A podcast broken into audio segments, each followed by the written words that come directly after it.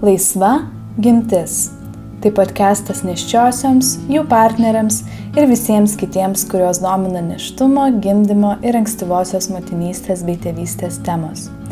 Čia išgirsite gimdymo istorijas tiesiai iš gimdžiusiųjų lūpų. Kiekviena moteris turi teisę pasirinkti, kas tinkamiausia jos neštumui ir gimdymui, o kiekvienas kūdikis turi unikalų ateimo į pasaulį kelią. Gerbkime ir šveskime vieni kitų istorijas. Podcastą vedu aš, Greta, laisvos gimties kurėja. Hello to listeners after quite a long pause of not having any podcast because of us moving to the mountains in Mexico. And in the mountains here, we barely have any internet, which kind of took a pause on all the stuff that I was doing on the internet. But aside from that, I'm in a really great community as a birth worker, I think, because it's a really nice combination of local Zapotec people um, that couple of generations ago all gave birth at home in the village here. Not anymore so much, but still a lot of people remember what it's like. And the foreigners community, which pretty much 100% of people gave birth with a midwife, uh, the only midwife that lives nearby. And today I'll talk with Natalie, who also had her first birth with a midwife that lives here. But the second birth might be the story that my listeners haven't heard before because Natalie gave birth only with her husband alone at home. And that might be really interesting. Um, so, yeah, for those that listen in English, I won't have to translate anything. So we can dive right in. Hello, Natalie. Hi, Greta. How are you? Good. Yeah, I'm happy to have some time without our kids and just to hang out and talk about birth. yeah, because birth, just like for me, is one of your favorite topics. Is Definitely. that right? Definitely. Yeah, so maybe before we get into the birth stories, you want to give me a little background of how you came into the birth world and what was your connection with it before you ever got pregnant? yeah, so I kind of came into the birth world through death work actually. When I was 16, I did this nursing assistant course in my high school through like a technical college. And um, I started working in a nursing home when I was 16 and taking care of people who were dying and people who had Alzheimer's and dementia. And I held hands with a lot of people as they took their last breath. And I was just like a 16 year old girl. Wow. um, not their family, you know? And I really started to realize through that how this pharmaceutical industry creates this paradigm of birthing and dying in the system under the effect of drugs and not with your family and not centered on the person. Um, so yeah, I started to really think about birth then when I was just like 16 and started thinking about how people die in our culture.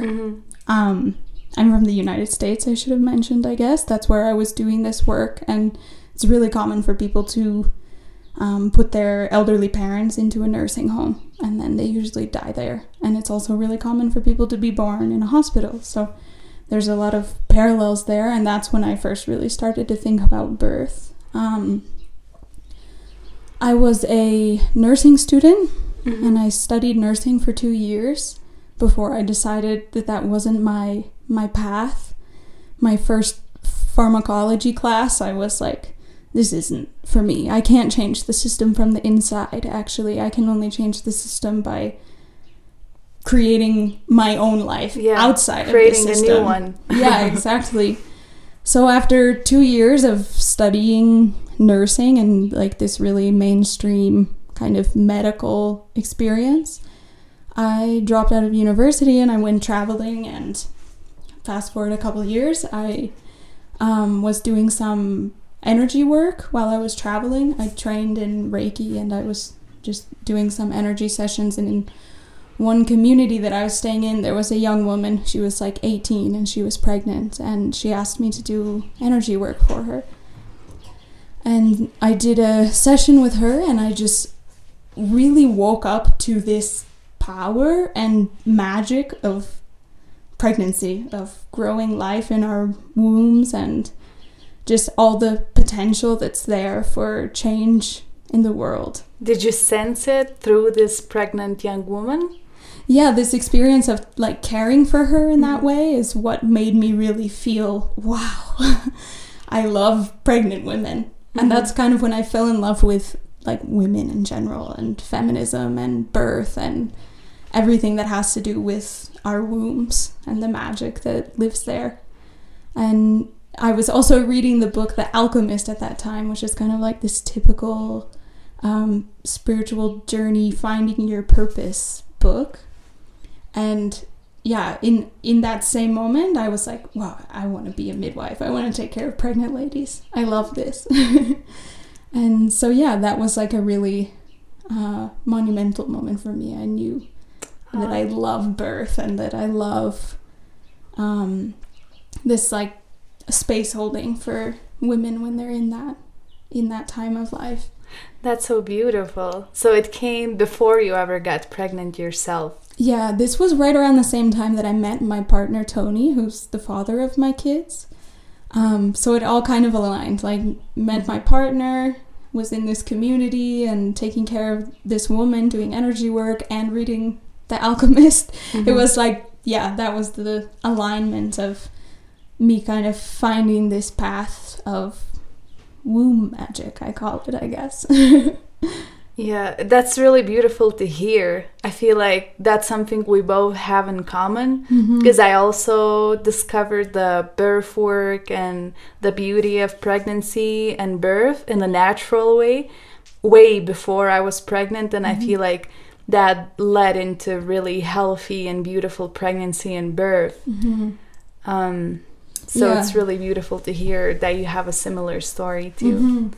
Yeah, I feel really grateful that I was um, kind of initiated into the world of of knowing the power and the importance of birth in that way mm-hmm. because I know a lot of women who have to experience first kind of a traumatic mm-hmm. birth in the system to then realize the importance of autonomous birth. Yeah. And I feel like we're really blessed that we came to it in a different way. We didn't have to experience the the trauma or the system yeah story so how did your first pregnancy come very unexpectedly um, i was super like in my backpacking traveling life with my partner Tony and we were in California and I was really out of touch with my with my cycle like I was doing some of these practices um, with Tao, Taoism and yoga that are geared towards not having a menstrual cycle to conserve sexual energy. Now I'm like, you know how I feel about that. That's big, wow, big red flag there for me. But at the time, that's that was my story. That's what I was in, and I was not in touch with my cycle, and I didn't have a menstrual cycle, a menstrual period for like three months. Mm-hmm. Um, but then I ovulated, obviously, and I got pregnant unexpectedly. And since I hadn't been having a menstrual cycle anyway, I didn't know I was pregnant until I was more than two months pregnant. Um, and actually, Tony was like, uh, I, th- I think you might be pregnant. I'm like, no, no way. and then one day uh, we were here in the mountains in this little village where we are right now. Um, and Tony went down to Miahuatlan to take out money or something, and he came back with a pregnancy test. And I'm like, okay, whatever, I'll do it, but I'm not pregnant.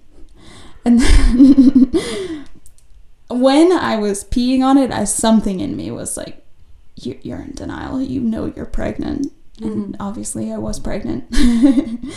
and um, he was like, "Wow, that's great," and I was like, "What? That's great. I was super not ready for it. Um, I guess I was ready for it because it happened, right? But I, I didn't think I was ready for it. Um, and yeah, we didn't really, ha- we weren't set up for having a baby. we were not prepared at all. And um, we did a lot of traveling during that pregnancy. And I wasn't sick at all. I felt really good.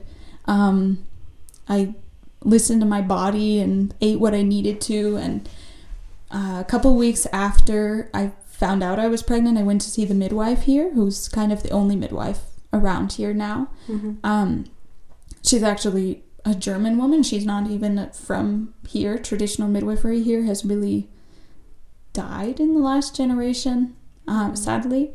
Um, but anyway, she's an awesome midwife and she's here and she was the option here, so I went to see her and um, yeah, normal prenatal visit with her and then we left and we didn't have any more visits throughout the rest of my pregnancy until I was like three weeks to my due date. Were you, during your pregnancy, were you doing any practices, continuing to learn about pregnancy, special ways that you were taking care of yourself? Yeah, I was reading everything I could get my hands on. Um, but kind of like the Ina May Gaskin spiritual midwifery, like the this kind of revival of midwifery that came in the more like the 80s, 70s, and 80s in the United States. Um, and like orgasmic birth and stuff like this. Um, but I, I guess the model of midwifery that I was really getting myself used to through reading what I was reading was just kind of typical like cervical checks and you know like typical Yeah. prenatal care, a little bit medicalized. Um, still giving like shots of pitocin and stuff like that was all really normal in my mind. Mm-hmm. Um, so I wasn't, I hadn't found like the more radical autonomous birth movement at that point. Um, so yeah, I had this the care with the midwife there, and I came back to Mexico um, in the seventh or eighth month of pregnancy, and yeah, it was like a super easy pregnancy. Uh, we went and lived in a house at the midwife's kind of uh, community there, and I had I had a lot of practice contractions, like a prodromal labor, kind of. I think is what it was Mhm. now, um, from 36 weeks. Mm-hmm. I had a lot of times labor like started and then just fizzled out, but like real contractions started and then fizzled out. And then by the time I actually went into labor the day before my due date, I was already like two centimeters dilated. Mm-hmm. Um, and the midwife had told me like, "Oh, you're gonna have a fast birth because you're already dilating." It was not fast. yeah, that's a great example how you can't ever trust a chart and centimeters because every woman's body just works so differently. Yeah, exactly. It's so not linear. And f- from the material that I was reading at that time, it really did seem like labor was supposed to be linear. And like you're two centimeters and then you're four centimeters, like progressing like this. But I was two centimeters before I even started labor. and every time the midwife came to check me, I, I was getting a cervical check. It was mostly just me and my husband. She was just coming to check every now and then. Um, and I was two centimeters for like the first eight hours. And it was so discouraging every time she checked me. Like, this isn't going the way it's supposed to be. My contractions are supposed to be doing something. Like, I had a very, um, like, restrictive idea of how labor works. Mhm. And then the cervical checks were just kind of like this disturbance and discouraging Yeah. thing I felt. Did you feel like it was like interfering with your flow and like you couldn't you couldn't get into it because of the cervical checks or other things that were interfering with that that might have slowed down the whole thing? honestly, my resistance was really what was slowing it down. And the cervical checks were super, super painful, but I didn't know that it was an option. I just was like, this, that's just what you do. The Mhm. midwife checks your cervix. And after my second birth, I'm like, that was crazy. I would never let anyone check my cervix now. Mhm. Um, but it it was definitely disturbing and the most painful part. But my resistance and my idea in my head of how my labor was going to be was really what made it long and drawn Mhm. out and extremely painful. It started at like 10 o'clock at night after making love, and I had contractions right from the get go every two minutes. just like really on top of each other the whole time. And yeah, again, just a lot of resistance. I was, I feel it was really like a fire walk, like my maiden self, I hadn't prepared to let go of. Mm-hmm. And I feel like she was just fighting and fighting and fighting it and not allowing me to just go into it, really. Yeah, you were feeling like maybe you were not ready to be a mom yet. hmm And another thing that I had really strong in my head was that my life doesn't have to change because I'm gonna become a mom. And your life does change when you become a mom. There's like no way around that. And you change. And I wasn't really, I wasn't seeing it like that. I was just like, oh yeah, this is the, the thing I'm doing now. I was really attached to who I am and my maiden self and my freedom. And I didn't recognize it at that time, but now I can see that that's what really made my labor very drawn out and painful because I was really resisting it and I wasn't like prepared for the reality that a part of me was going to die and I was going to become something new that I didn't know but I just wasn't prepared for that at that time. And so yeah, it was about 18 hours my labor with the contractions really on top of each other. I was trying to eat and drink but I really couldn't and I was pretty exhausted, and when I got to transition, my body really wanted to sleep. Mm-hmm. and I actually tried to fall asleep a little bit. The midwife checked me and was like, Oh, you're 10 centimeters, time to push. And I was like, Can I take a nap? and she was like, No, vamos! Like, let's do this, you're gonna have your baby. And I was like, I would like to go to sleep first. And now I know that that's a thing. that yeah, that's some- a normal thing. A pause. Lots of women have a pause and fall asleep at transition. Actually, that's what my body really wanted, but um, it wasn't allowed to happen. hmm And so I was like, okay, I'm gonna do this. and I was like really athletically pushing. Like I knew about the fetal ejection reflex, but I didn't feel it yet. And the the midwife was really coaching me, like like strong, like you can do this, mother, you are strong, like really cheerleading, like coaching me.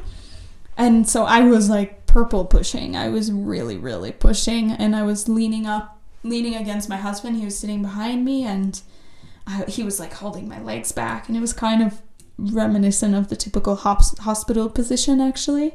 Um, and yeah, I pushed super hard. I was like, at one point, I yelled at the midwife, I'm not getting anywhere.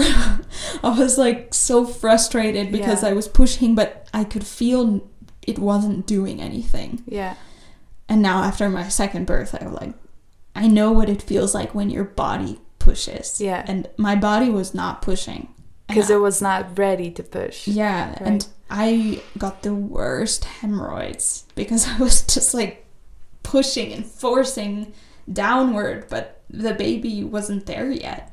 He was still up super high. So Mm. I feel like I lost a lot of energy pushing and I got super exhausted. Um, but all in all, I think this only lasted like half an hour. Mm, Tony said later that it was pretty quick, the pushing phase. And then, yeah, he eventually descended. And then, like after crowning, then I felt what pushing is supposed to feel like. Um, and I felt him moving through my body.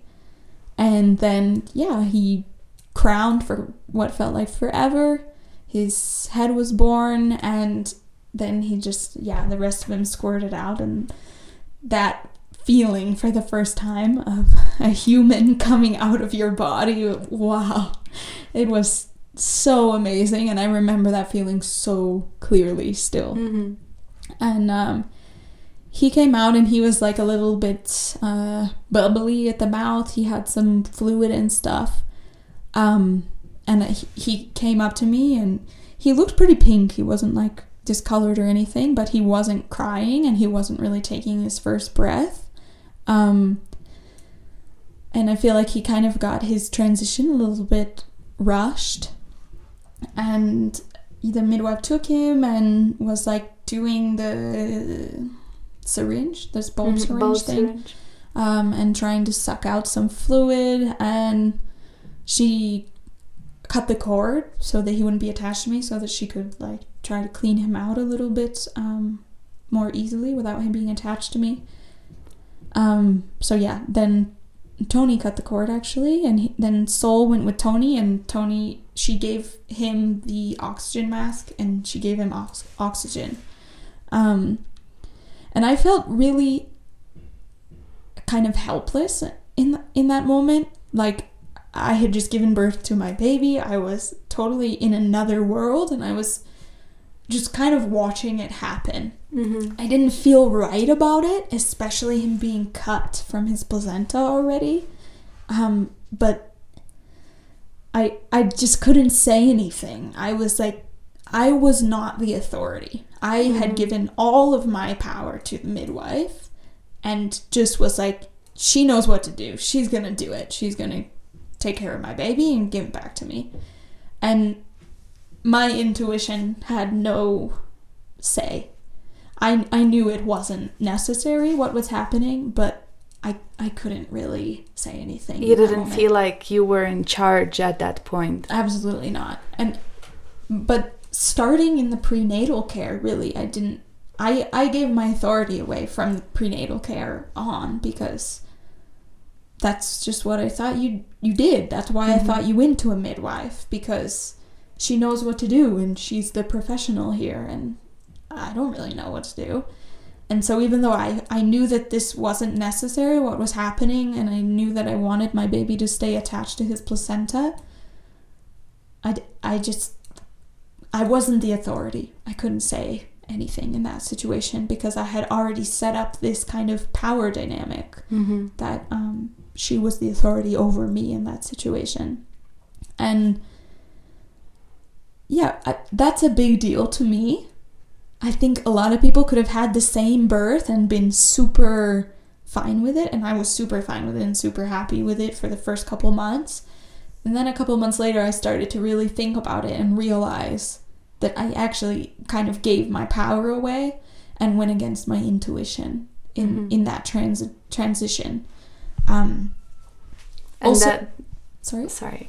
And that probably really affected the second pregnancy. Yeah, definitely.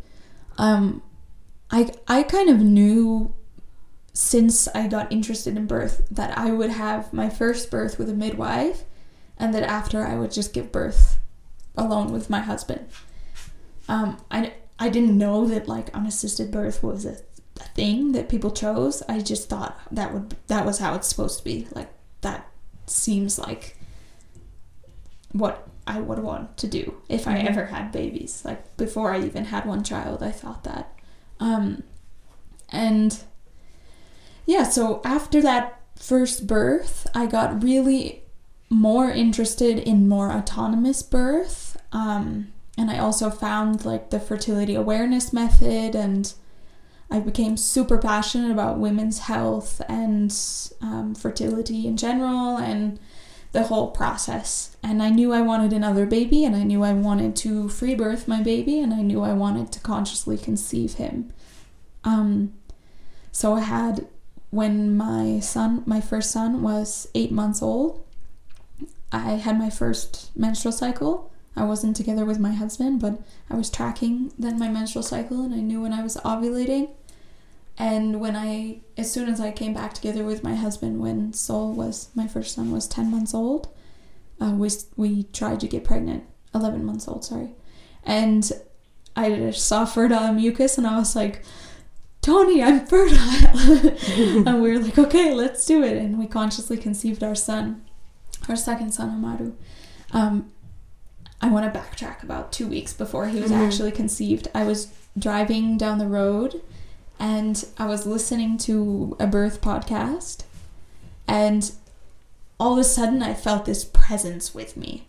And Mhm. I even like looked over my shoulder, like, is there someone else in the car with me right now? I really felt someone was with me. My son was with me, of Mhm. course, but I felt like someone else was there. And I paused the podcast because of this this sensation was so strong of someone else being there. And I just heard this like, "Mama, I'm ready." Wow. And that was my second son. And then 10 days later, we conceived him. And so it was like super conscious and intentional. And that felt like taking back my power over my fertility because my first pregnancy was such a surprise and Mm-hmm. such an accident that taking that power back and consciously conceiving my second was like really, really empowering for me. Yeah, that does sound super powerful. And just a really great illustration of how we can actually sense babies before they even come, Mm-hmm. only if we listen to them. Yeah, exactly. And it's really, um, I feel like it's so inadequate to see pregnancy and birth as a purely physical event Mhm. as it it is mostly seen like that in like a medical society Mm-hmm. and not not even just the doctors but i feel like so many times just the women themselves they just try to you know go on with their lives and like sort of ignore what's happening or you know focus themselves on the external things but there's actually so many more layers in that Yeah. Yeah, definitely. And I I guess I always saw it like super spiritual Mhm. a super spiritual experience. And that takes me back also to the death work. mm-hmm. That death is super medicalized. And I was sitting there holding old people's hands as they died when I was young and like realized the hugeness of that moment that the spirit was leaving this person's body and what a big deal that was and what a big deal it was that I was the person that was there in that moment. Um and yeah, again the parallel of the death and the birth in our in our culture. I really see it. Like that's when I really noticed how huge that was when the spirit leaves the body and then the how huge it is when the spirit comes into the body in conception and in pregnancy was just kind of like a given to me Mhm. because I really realized it through death actually. yeah you think it's close birth and death right Yeah. Absolutely. And yeah, now moving into my second pregnancy, that was a huge theme for me. mm-hmm. um, because I I chose from the beginning. I knew that I would do my own prenatal care, and it would just be me and my husband at the birth. And a huge part of taking the responsibility to be able to do that, to be able to prepare to give birth as the authority, was accepting the possibility of death and like realizing how close birth and death are and that no matter where you birth in a hospital at your house with a midwife or at your house alone or in a teepee or in the forest 6 hours from the hospital anywhere you still have to contend with death because death is always a possibility in in birth. And in life right? Yeah absolutely. There's no birth and no life that comes with no risk. Yeah absolutely. Which risk can mean death sometimes and Mhm. sometimes there's just no way to prevent it. Yeah, and there's like an idea that it it will happen less if you give birth in the hospital, but there's absolutely no statistic to back that up. That yeah that there's lower infant mortality in the hospital versus home birth or something. It's just our our culture in general is pretty afraid of death, Mhm. and I think that that's at the root of the patholog patholog pathologizing pathologizing of birth, of Yeah. pregnancy, of the whole thing. Because, yeah, our culture is super non-accepting of death, and that was a that was a big work for me. I was obviously super afraid of my baby dying, or me dying. We're super far from a hospital here, and the hospital's not very comforting anyway yeah these public hospitals in Mexico. so I, I didn't have like a, a comfort in a midwife or in a hospital. And you totally just depended on yourself. Yeah, and now I realize that even if you're planning on giving birth in a hospital or with a midwife, it's it's almost irresponsible to not contend with the possibility of death when you're bringing life into the world. I feel. That like that's just a, a reality that's possible anywhere that you're going to give birth. And especially in our community here like we're far from a hospital so that's not an option for comfort. The midwife lives almost an hour away on a super messy dirt road. Mhm. some people don't have cars. Like there's a possibility you, even if you're planning to go to the midwife you don't make it. I think that there there needs to be a level of taking responsibility for yourself no matter what your birth plan is. And that's something that i focus on a lot now doing like prenatal coaching in responsibility Mhm. um, and a, a big thing of the preparation for my second birth for me was that I'm not gonna not be afraid. Like, I, I can't just get rid of fears. It's scary. Like, some things in life are just scary. And the possibility of my baby dying or any other complications, it's scary. But it's, it's okay. Here goes the Don Quixote. it's okay to be be afraid. One of my favorite birth affirmations um, Mhm. is by from a birth affirmation track from the Free Birth Society from Yolanda Norris Clark, and it's that I feel fear, but I'm not afraid, and that was like really comforting for me. That I Mhm. don't have to get rid of my fears, but I need You're to aware own of it. them, and I need to be aware that they're there and take responsibility for them. Mhm. So my second pregnancy was at the beginning super super hard. I have a super had a super energetic 1-year-old and I was really nauseous. And that was a little bit different for me uh, from the first pregnancy.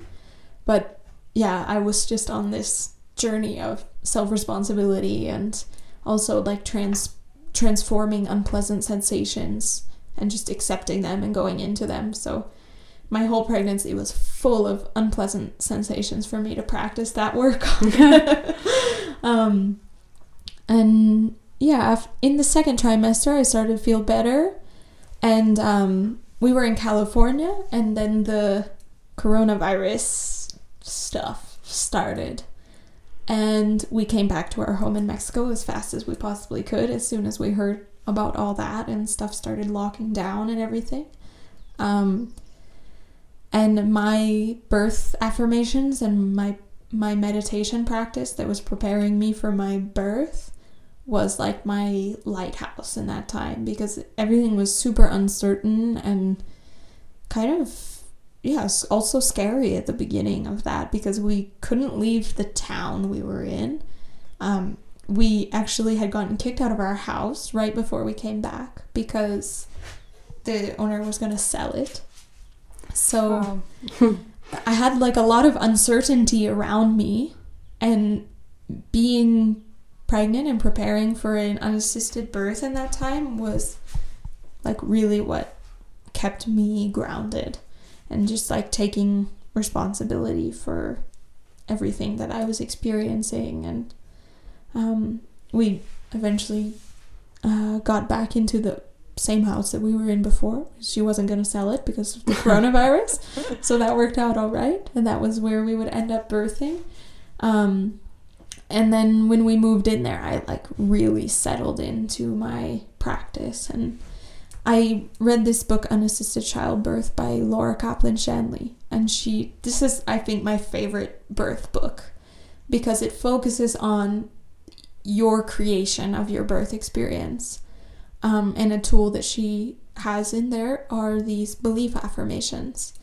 And I still use belief affirmations all the time, but that was really like my my birth prep.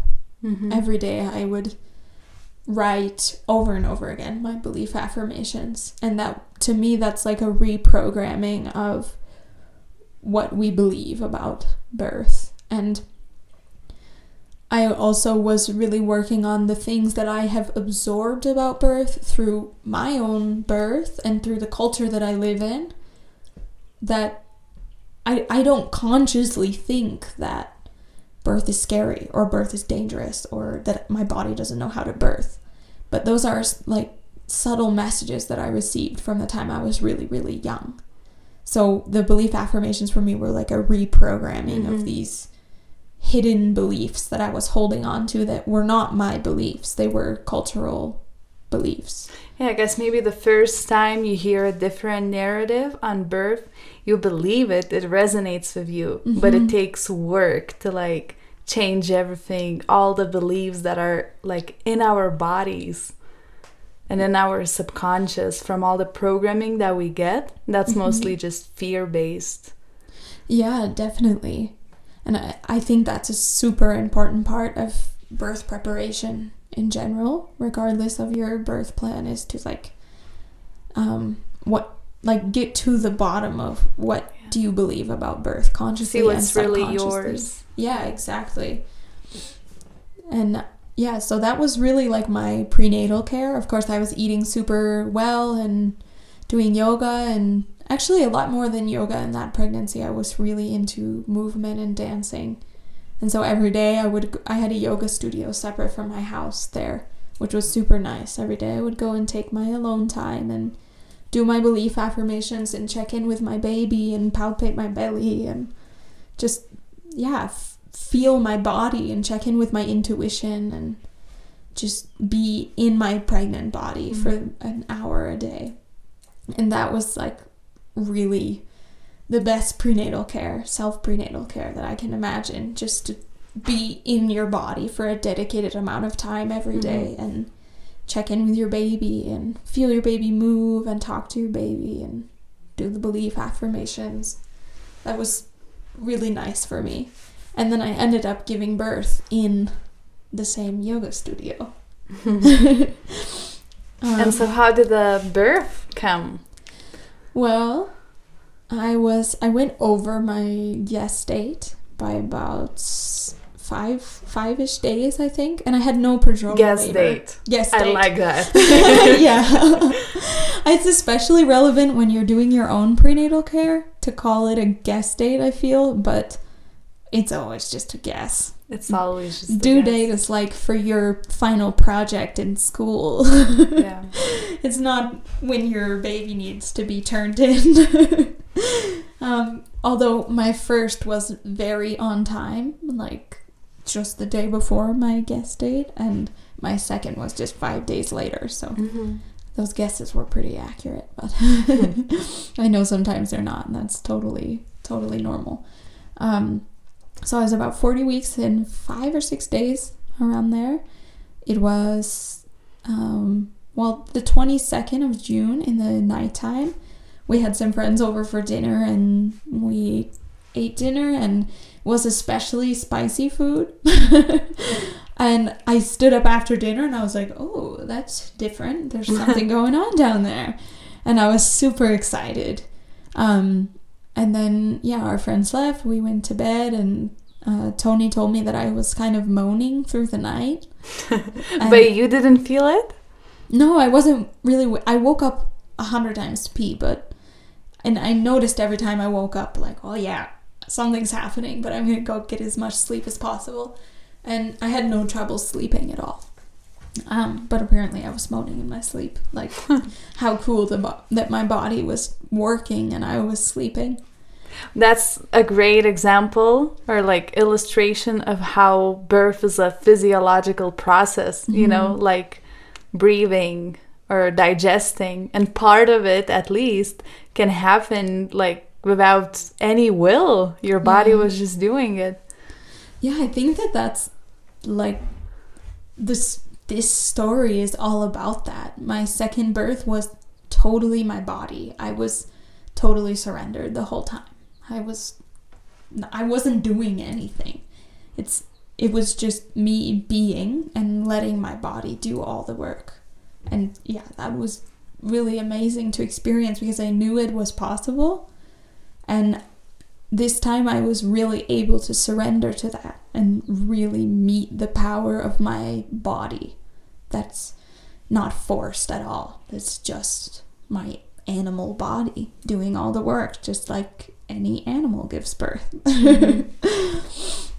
so then I woke up in the morning and I was really excited. I really knew that today I'm going to meet my baby, or maybe tomorrow, but that I'm going to meet my baby soon.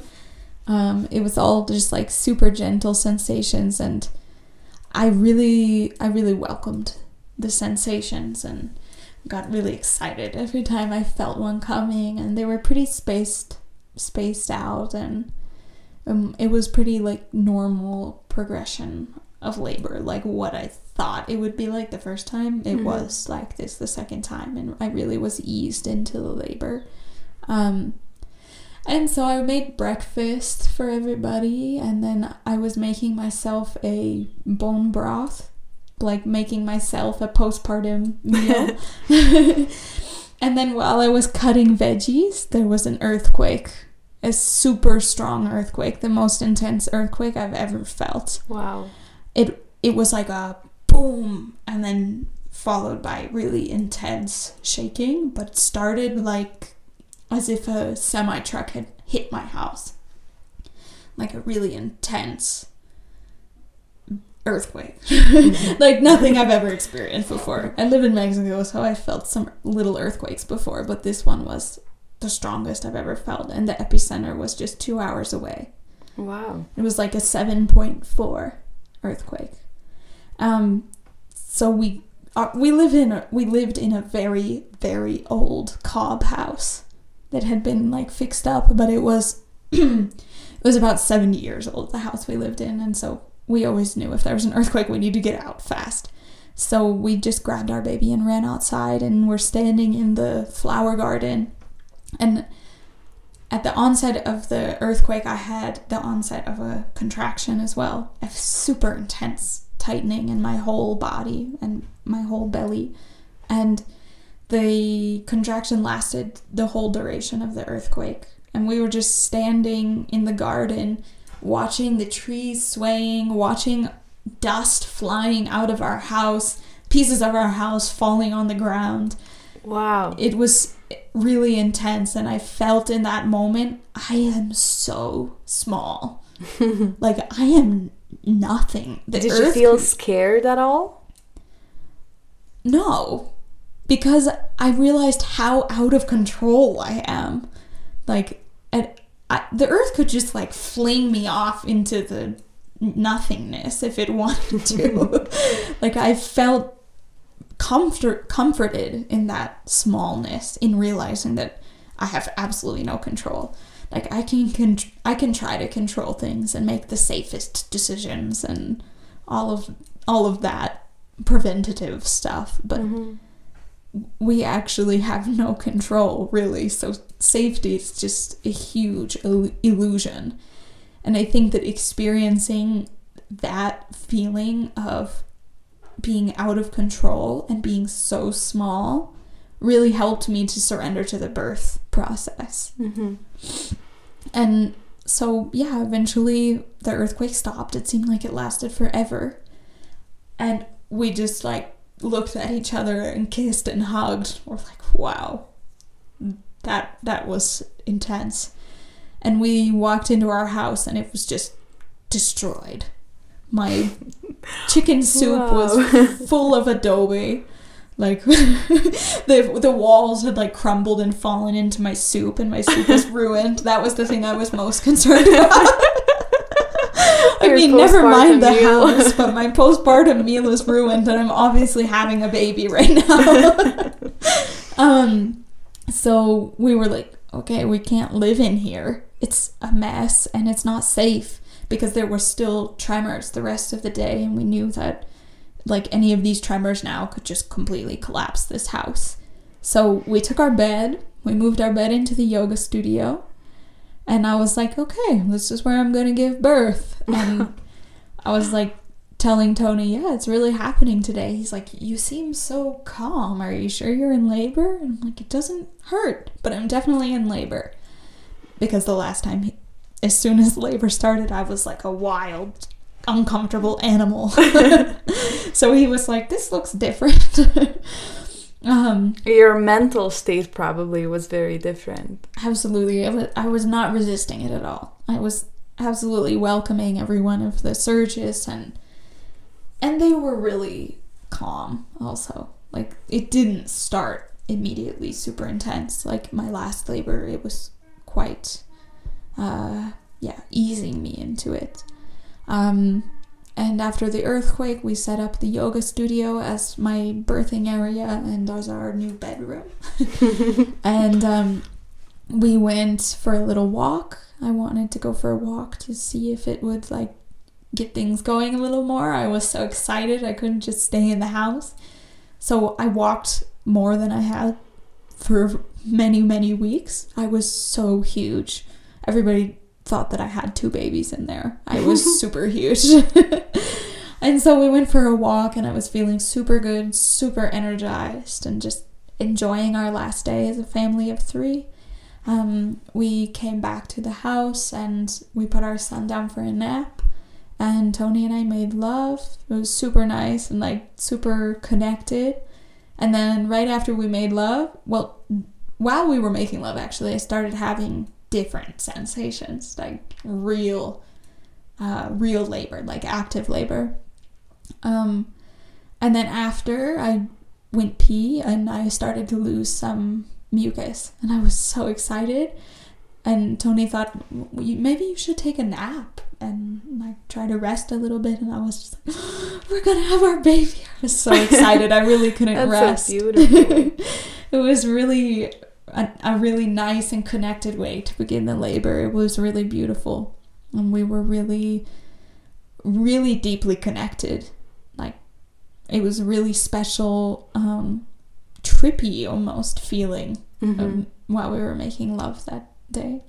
Wow, double dose of endorphins. Yeah, lots of oxytocin. um, so then our son woke up, or I, I went and took a shower actually while our son was sleeping. Um, and I ate as much as I could, and I, yeah, just moved around and moved my hips and enjoyed the labor by myself. Um, when Sol woke up, I fed him something and then I sent him over to the neighbor's house. We had planned for him to go there during the birth. Mm-hmm. He was, I liked the idea of him being there, but he was still super little and really needy. He was just about 20 months at that time. And yeah, he was still super like, mommy, mommy, mommy. And I just felt like I really wouldn't be able to surrender all the way if he was there. Mm-hmm. And I really needed Tony to be fully with me. So it worked out well that he could go uh, just across the street to the neighbor's house. And he went over there, and then uh, it really started. I felt then I could really get into the work. And then I had like the visuals and the super trippy feeling. And I was listening to my birth playlist, which I forgot to mention while I did my belief affirmations and my yoga and dance every day, I listened to the same playlist. So this playlist had this really strong energy for me Mm-hmm. that was like really focused and just kind of like dropped me right into this meditative consciousness. And so that that was a really helpful tool for me uh, in this preparation for the birth and in the birth itself. And I, I really suggest that to anybody like having a playlist but not just that you put on during the birth but that Mhm. you like put your intentions in for your whole pregnancy that that was really And you kind of train your mind and body to relax through it so it Mhm. already knows what to do. Yeah, exactly. Like just listening to these songs. I mean, I can still listen to this playlist and I get like immediately moved to tears because I feel that energy around Mhm. it. And so that was a really potent tool for me. I really loved that. Um and yeah, I was just laboring, listening to my playlist, enjoying. I was like super in in another world. I was on such a journey.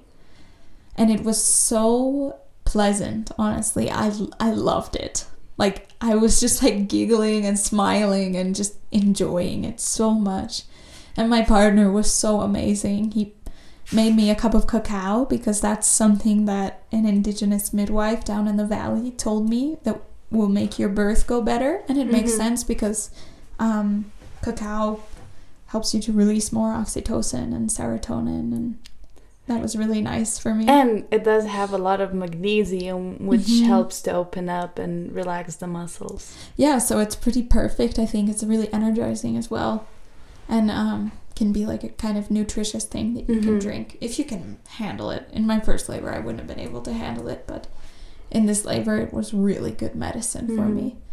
Um, so Tony made me a cup of cacao, and then he was just like tending the fire and sitting in the corner and kind of meditating and just really like holding the energy there. And he was so with me, just like he he knew what I needed before I could ask, and that was so beautiful and um, something special about us doing it by ourselves this time. That we were really in tune, and it was really really beautiful. Um, so yeah, labor kind of progressed, but it was pretty gentle the whole time. And then there there was a I have no concept of time here, but the whole thing was about 4 hours, so it was all happening kind of fast. The whole thing, you mean from the beginning, from the full, before the earthquake and everything? No. Or the Um, after- active labor? Like from when we had sex Mhm. until he was born. Mhm. was about four hours. Um, so more like the active part, because before that it was really I was like talking and Mhm. walking and yeah, it was just like oh something's happening, but not really um, active labor, I guess. Mhm. Um, so yeah, I just really enjoyed the active labor, dancing and music, and yeah, just enjoying it. Um, and then I got to a like puking and pooping phase. um, pre-transition, my partner was so amazing about that. Like, I we were kind of far from the bathroom because we were in the yoga studio, not in the house. So I was just like pooping and peeing in a bucket, and he was taking it and dumping it out and cleaning it and like wiping my butt and doing all the things. He was so sweet. But every time he left, I was kind of like, no, come back. but I know he needs to take take the shit out. But um, in that sense, it would have been kind of nice just to have like a somebody there who was like one more set of hands. Mhm. Um, but everything was perfect because also in those moments when he left, when there was no one there and it was just me and my baby, I experienced something really profound as well. And just this like, this confirmation. I don't know how else to explain it, I guess. Just this feeling in myself like, I am doing this. Like, this is just me and my baby giving Mhm. birth. Like, I really was able to realize that every time that Tony left and it was just me. And yeah. I, I really enjoyed that like moment of independence and aloneness, but being also just with my baby and my body doing this amazing thing. And a great proof that if you needed to, your body is able to do it just by itself. Yeah, for sure. Would have been a little bit messier, but I, absolutely, our bodies are able to do that without anybody there, and it's could be a really beautiful experience. Um. So yeah, I I had quite a while where I like needed to vomit, but I was a little bit resistant. Um, and then once I vomited, I was like, okay, this is happening. and another thing that uh, Yolanda Norris Clark said that really stuck for me was let birth decimate you. And in my first birth, I was absolutely decimated. But this birth, I was like, I knew I was in transition, and I had this fleeting thought oh wow, this could just be the beginning. If it goes on like this for a whole day, I don't know if I can do this. Mhm. Like, this is intense. But I, I knew I was about to start pushing, but I just, like, my mind came in for a moment. Until that moment, it had been just my body. But my mind came in for a moment and was like, prepare yourself. This could go on for a whole other day. um, yeah, I never know. Yeah. so I was like, okay, yeah, don't get like too cocky here. You're not necessarily in transition. This could just be the beginning of it. And uh, the beginning of it. And I was like, I laid forward on the bed and I said out loud one of these times that Tony was gone. I was like, um, okay, I think I'm decimated. But I, I didn't really feel decimated though. Like I know what decimated feels like from my first birth. And I didn't really feel that. Like I knew that I could do it. But I felt like I had to say I was decimated so that I could kind of like have my baby and Mm-hmm. complete the process. so I just kind of like said that. Um, like, okay, yeah, I guess I'm decimated. I, I'm ready to meet my baby now. And I just said that out loud. And right after I said that, there was like a freight train moving through me. And I was really like vomiting from my vagina. it was like uncontrollable pushing. This was the epitome of the fetal ejection reflex. Mm-hmm. I, I wasn't doing anything. I wasn't resisting. I wasn't bearing down or anything. Um, the only thing that happened was I was having trouble continuing to breathe every time my body pushed. And the contractions completely changed. Like they weren't contractions anymore, it was just pushing. Um, which was different for me from my first because the- Mhm. the first I, I was pushing when I felt a contraction, but I always felt the same contraction feeling. Mm-hmm. Um, but this time I didn't feel that at all. My body was just pushing, and there was no pain at all. Like it was absolutely not painful, but it was intense. It, it was just like vomiting. it it was just like I mean, I have a lot of resistance every time I vomit actually, but it was like once you start and you can't stop it. Yeah, it was it that just feeling. goes. Yeah, it was just like, yeah, my vagina was vomiting. and I couldn't talk to Tony anymore, so I feel like he kind of knew that it was happening.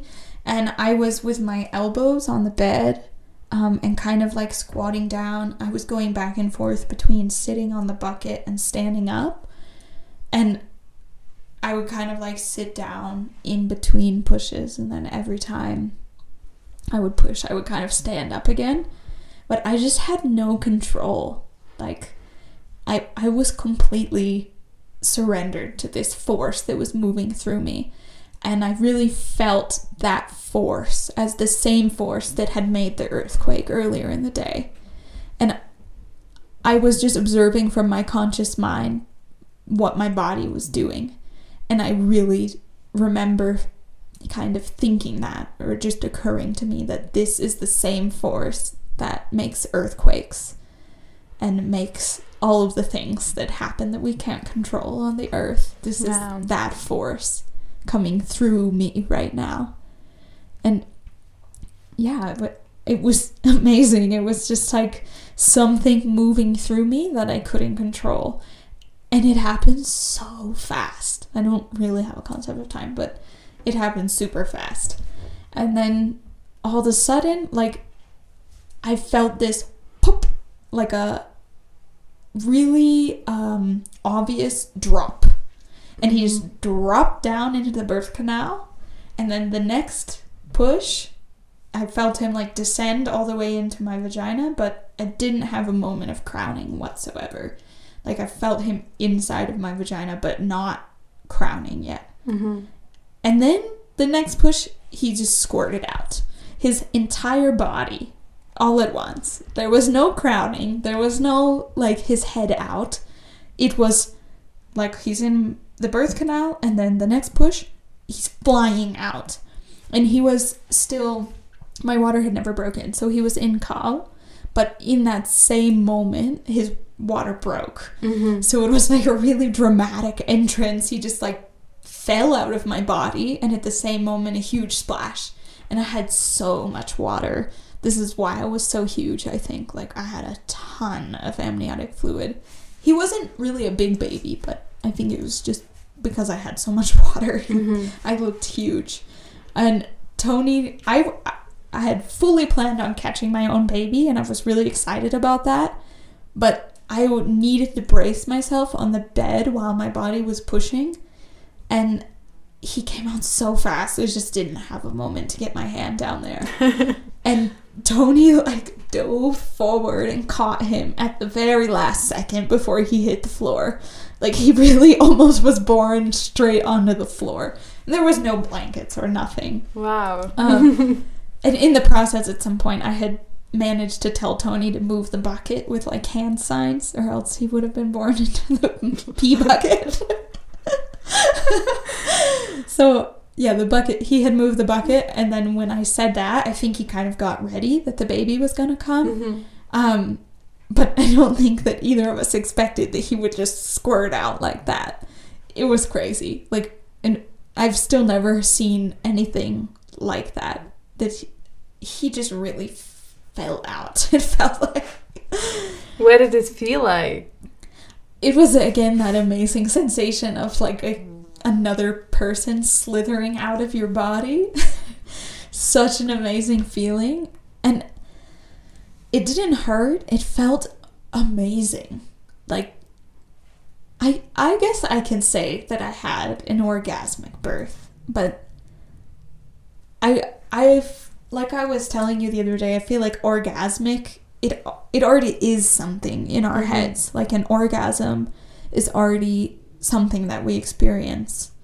But this was nothing like what I experienced through a normal orgasm, and I could never try to experience anything like that again. but it was absolutely pleasurable and ecstatic and Ecstatic. orgasmic in in a way that I didn't know was possible to feel in my human body. Like it felt so good. But good is such a Mhm. lame word. Like it doesn't even begin to describe it. None of those words begin to describe what it felt like, I think. And yeah, my my cord was super short, so when he almost hit the ground, it um like pulled the cord because he he fell out all the way to the length. It was like uh, maybe a foot, like less Mhm. than a foot. It was super short.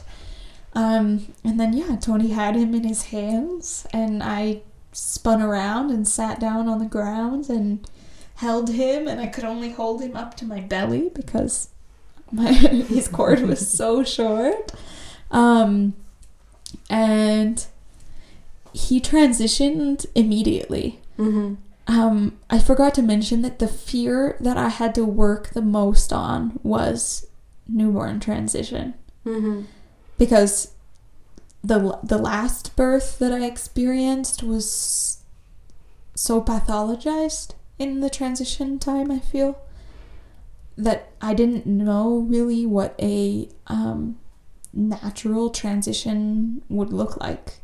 Mm-hmm. I mean, I've seen videos and stuff, but my story was that tra- the transition is like a scary time, you Mhm. know. Um, and my own transition when I was born was also super pathologized, and I always had heard the story my whole life from my dad, like you came out so gray and purple and so miscolored, and you weren't be- breathing, and you almost died, like. I, I had heard that story Mhm. my whole life about how I came to the earth. And then Sol's transition was also kind of like scary and totally out of my hands. Mm-hmm. So I had had to work a lot on that. I learned a lot about neonatal resuscitation and I did like the logistical preparation for it, but it was more just like surrendering to that that moment that he's not all the way here yet and he's not all the way there and that I don't need to rush it and just like belief affirming myself that he receives oxygen from his placenta and that he will transition in his own time and that it's going to be fine. And then also the work with that if he doesn't transition ever all the way to this earth it's also his story and it's also fine. But of course he transitioned super quickly and smooth. There was like no question about it. He just came out and immediately like squawked and like opened one eye and like looked around and then closed his eyes really tight and then opened his eyes again and just like looked around and was kind of like, eh. Where am I? yeah, just like with this really confused look on his face, and yeah, and then uh, I just was like rubbing his back and rubbing his feet and stuff and stimulating him because he wasn't very noisy. Like he opened his eyes and he was obviously there, but because I had so much fear about it, I kind of pathologized it. I think, and like I was like, okay, like let's hear a cry. Come on. I like wanted him to be a little bit more noisy to make sure that he was okay. So I was just like stimulating him and he had some bubbles coming out and I just sucked it out with my mouth. And that works so much better than the stupid bulb syringe. I was like, that's so intuitive and Yeah. obvious to me to just suck it out if there's fluid in there. And just remembering like how unnatural and challenging it was for the midwife and for Tony with the bulb syringe with Sol. Um, it was just like supernatural instinct of mine to just suck it out with my mouth. And I did it, but I, I don't think I even really needed to. Like he had transitioned just fine, really. Um, yeah, so he was like all good, all there, and then I was just like, we did it, we did it, and I was like kind of crying, but kind of just like in disbelief, like that was it, that was so easy, like that was so simple. I I couldn't really believe it that he was here and that that was it. Mm-hmm. Um, and yeah, I checked and saw that we had a little boy, and I just like looked at my partner. I was like, "Holy shit, it's a boy! We have two little boys, of course, like, obviously."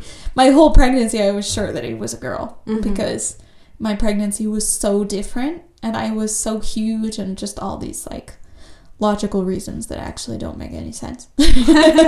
Not so logical after all. right like lot like very heady reasons Mhm. is what i mean just like trying to really quantify what boy pregnancies look like and what girl pregnancies look like led me to believe this must be a girl um and i really want a girl so that also interferes with my intuitive sense of if it was a boy or a girl i think but then when i saw it was a boy i was just like duh. Like, of course. And now it's so perfect. Like it just makes so much sense. We have these two little boys who are super close in age and they're so amazing together. And yeah it was just simple. That was that was it. That was the labor and the birth. And then um i was super annoyed by how short his cord was but i was definitely not gonna cut it until the placenta was born at least and i even had considered doing lotus birth. Um i quickly realized that would have been really annoying. Um so i just yeah tony like cleaned me up a little bit. I really didn't bleed at all. Like Mhm. there wasn't really any blood. Um there was very quickly some lovely newborn meconium everywhere but there was like not really any blood at all. It was like a really clean birth, other than the gallons and gallons of amniotic fluid that was everywhere. um, so Tony cleaned us up a little bit and like tucked us into the bed. We had a mattress on the floor and our bed, and we just went into the one on the floor next to the fireplace. And I just laid there, like looking at my baby, and he's just looking around, and he's so peaceful and sweet feeling and I just was in such disbelief. Um but pretty quickly I was like okay, the birth was really good and really smooth and almost too easy. I need to get this placenta out. Mhm. Like I really wanted to feel complete.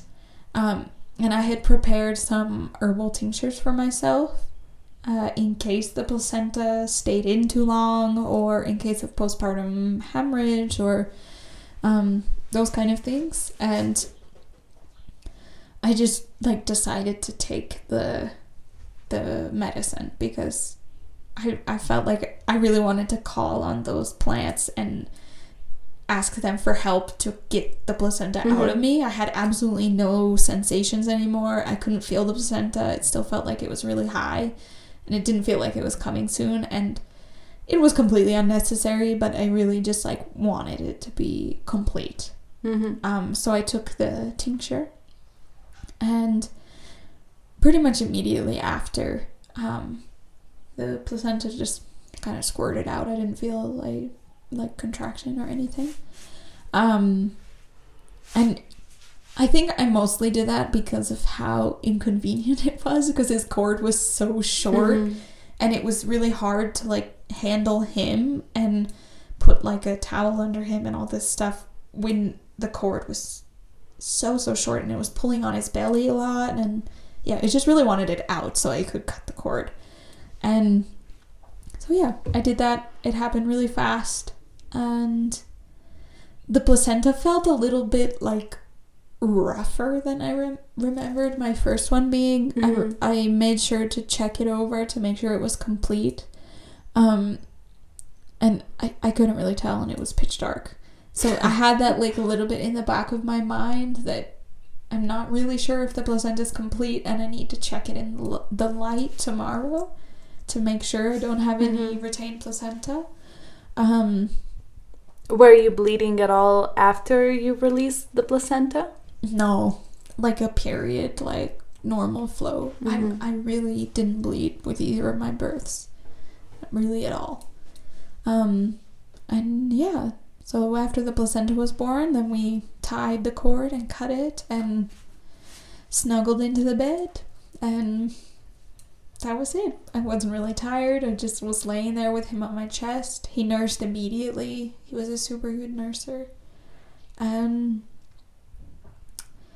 then a couple hours later, after everything was cleaned up, Tony went and got Sol from the neighbors, and we just all went to bed as a family as fo- of four.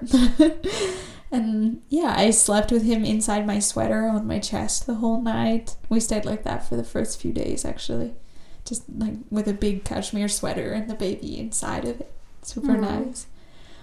And he was the baby for a while. We didn't name him until maybe three weeks after. Oh wow. Yeah, so he was just the baby.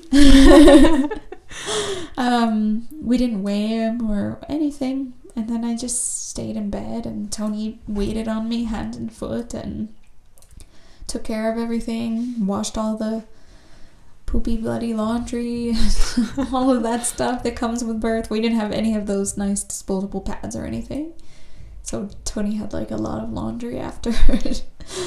Again, I would have um it would have been nice to have some support that I could have called on in those first days to come over Mhm. and like a friend who was close enough to wash my dirty laundry and bring me food and empty my pee bucket and stuff like that. but I didn't have that and it was okay, but both of my postpartums were quite lonely and unsupported with just me and Tony and we choose to live here in Mexico and now we live in this beautiful community where I have a lot more friends that I feel I could call on in that time. But I've I felt pretty lonely in Yeah. the postpartum both times and it just really emphasized for me in my path the Mhm. importance of supporting women postpartum and like being the person who will come and bring you food and wash your dirty laundry and clean up after you give birth. Yeah, I feel like a lot of us miss out on that part. I feel like, at least in my country, in Lithuania, um, a lot of women already accept doulas into their pregnancy preparation and their births.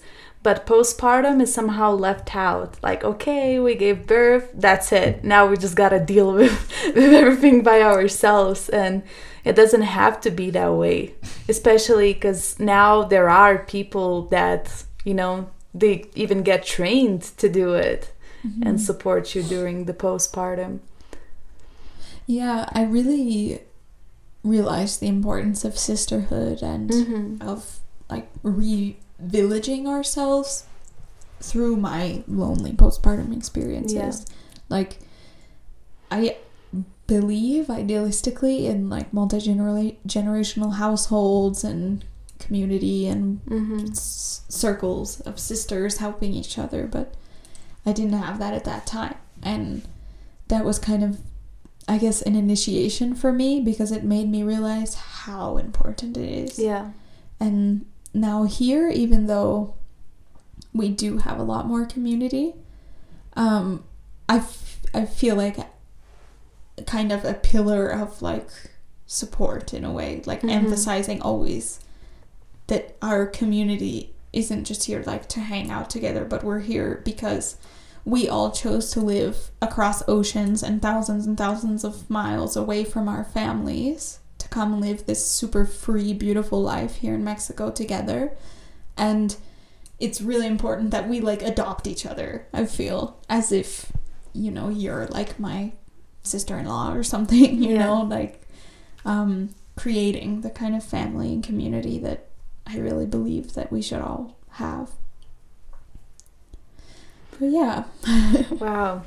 Thank you so much, Natalie. I felt like through a lot of moments, I felt like chills running through my body.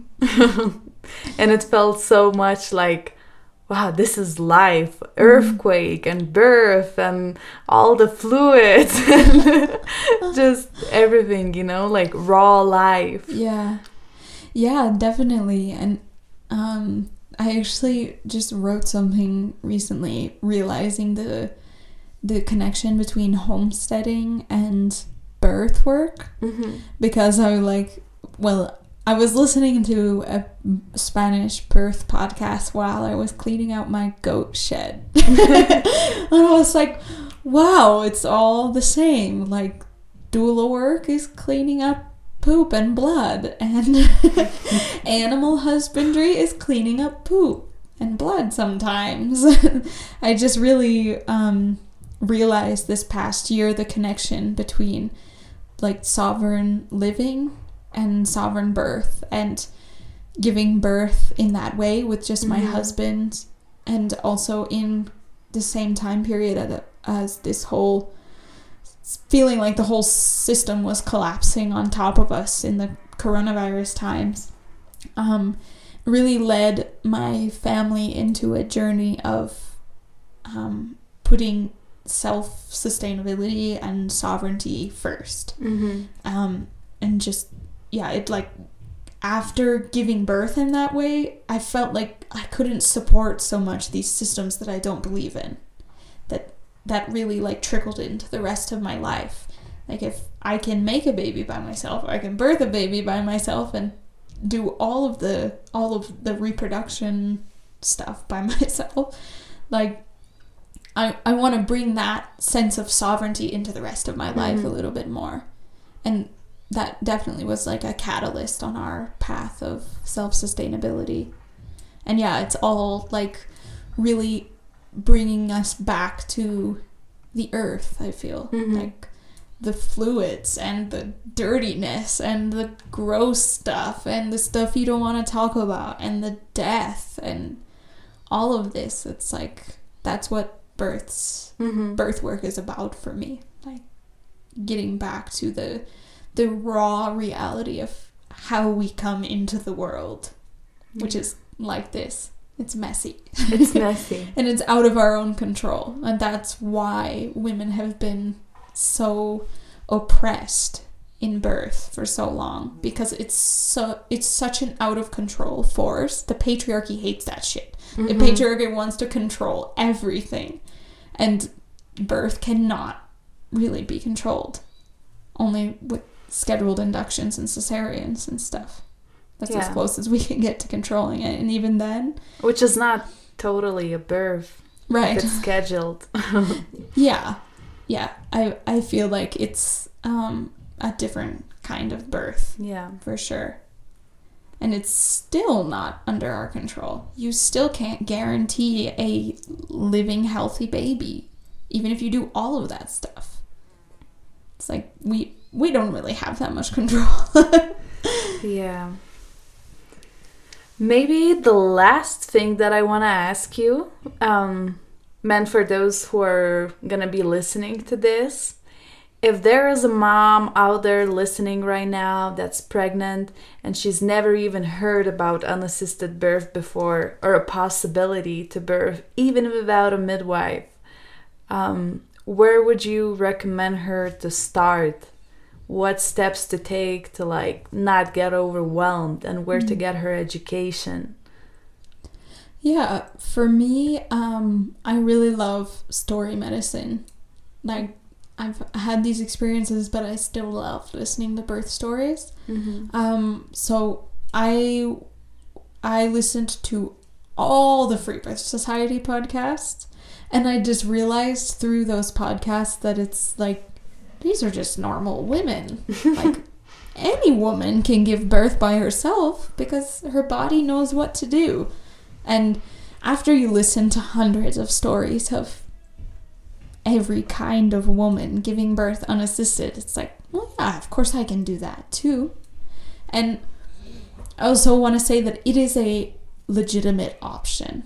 It's not like this crazy, super risky, out there thing that only crazy hippie moms would do or something. It is a legitimate option. If you don't have the support that you need, that is there for you to have the birth of your dreams, then you you don't need anybody then.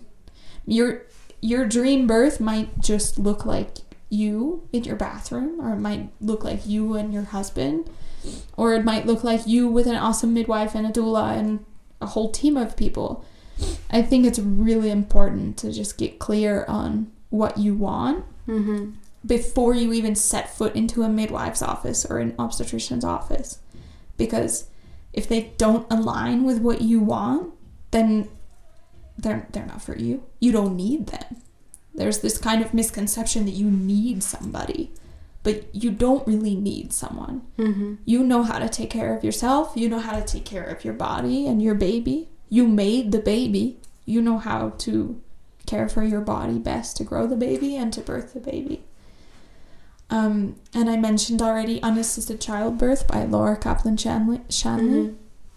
And for me, that book was like a really, really beautiful reminder of my power to co create my reality and to create the birth that I want. And I, I really had the birth that I wanted. I had the birth that I envisioned every day Mm-hmm.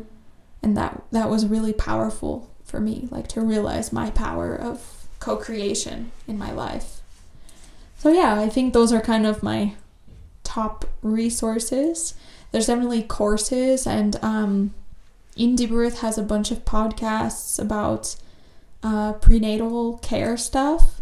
Some of it's kind of geared towards birth workers but it also works for if you're doing your own prenatal care. Um, and yeah prenatal care can look however however is good for you. Mhm. it can be absolutely nothing. It can be meditation or it can be buying a fetoscope and measuring your fundal height every week if you want you Yeah. can create it however you want it to be Yeah. Thank you so much, Natalie.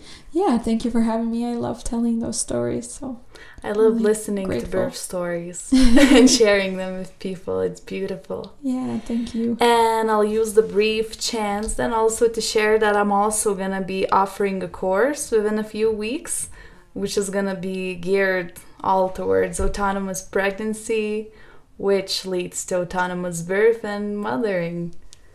yeah okay, so you'll hear us more. Thank you. yeah thank you greta Norėdami pirmieji sužinoti apie naujus įrašus, prenumeruokite naujienlaiškį puslapyje laisvagimtis.lt.